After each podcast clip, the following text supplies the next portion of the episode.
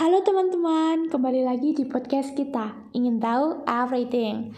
Nah, kalian pasti bertanya-tanya nih, kali ini kita akan membahas apa sih? Oke teman-teman, langsung saja. Kali ini aku akan membahas tentang membangun jiwa transenden atau self as contact. Apa sih membangun jiwa transenden itu? Teman-teman, jiwa transenden merupakan kemampuan yang diperlukan bagi diri kita agar dapat melihat suatu permasalahan dan letak permasalahan secara menyeluruh. Maksudnya apa? Kita itu setiap melihat permasalahan itu menggunakan pola pikir yang multidimensi, teman-teman. Jadi misalnya gini nih. Kita tidak lolos senam PTN. Nah, pola pikir yang salah adalah kita menyalahkan diri kita. Harusnya tuh aku kemarin itu pelajaran biologi har harus mendapatkan nilai 90, harus dapat nilai tinggi terus agar aku nggak gagal. Teman-temanku kok bisa sih? Kenapa aku kok nggak bisa? Kenapa? Kenapa? Dan kenapa? Nah, itu adalah pola pikir yang salah. Pola pikir yang benar adalah kita merenung.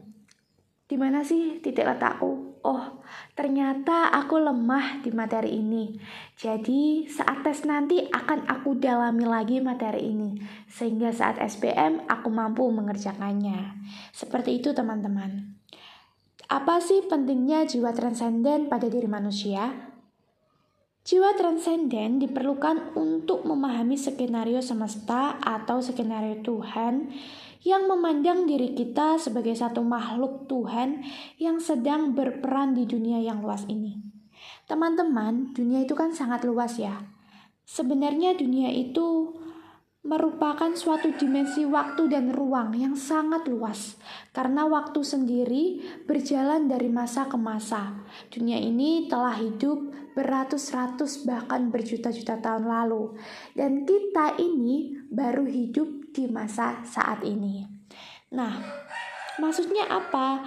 Maksudnya adalah kita itu mengisi dimensi ruang alam semesta yang sangat luas dan mengisi dimensi waktu yang terbentang sangat lebar dari masa ke masa.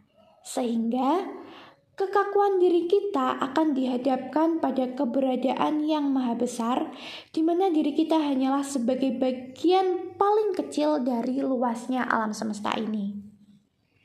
Maksudnya adalah membangun jiwa transenden itu dapat melatih kita untuk menyelaraskan diri kita dengan kehendak Tuhan.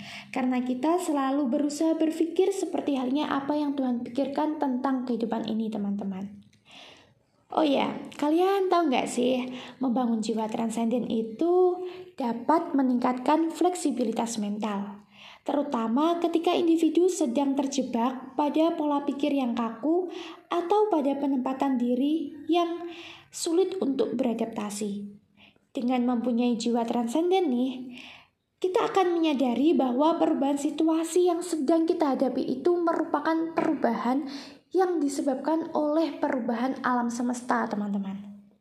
Jadi, dengan demikian, setiap kali mendapatkan sebuah permasalahan atau perubahan keadaan, kita akan selalu berpikir secara holistik dan transenden dengan tidak mengutamakan kependirian kita. Kita itu tidak merasa paling hebat. Karena apa? Karena kita merupakan elemen terkecil dari dunia ini, teman-teman.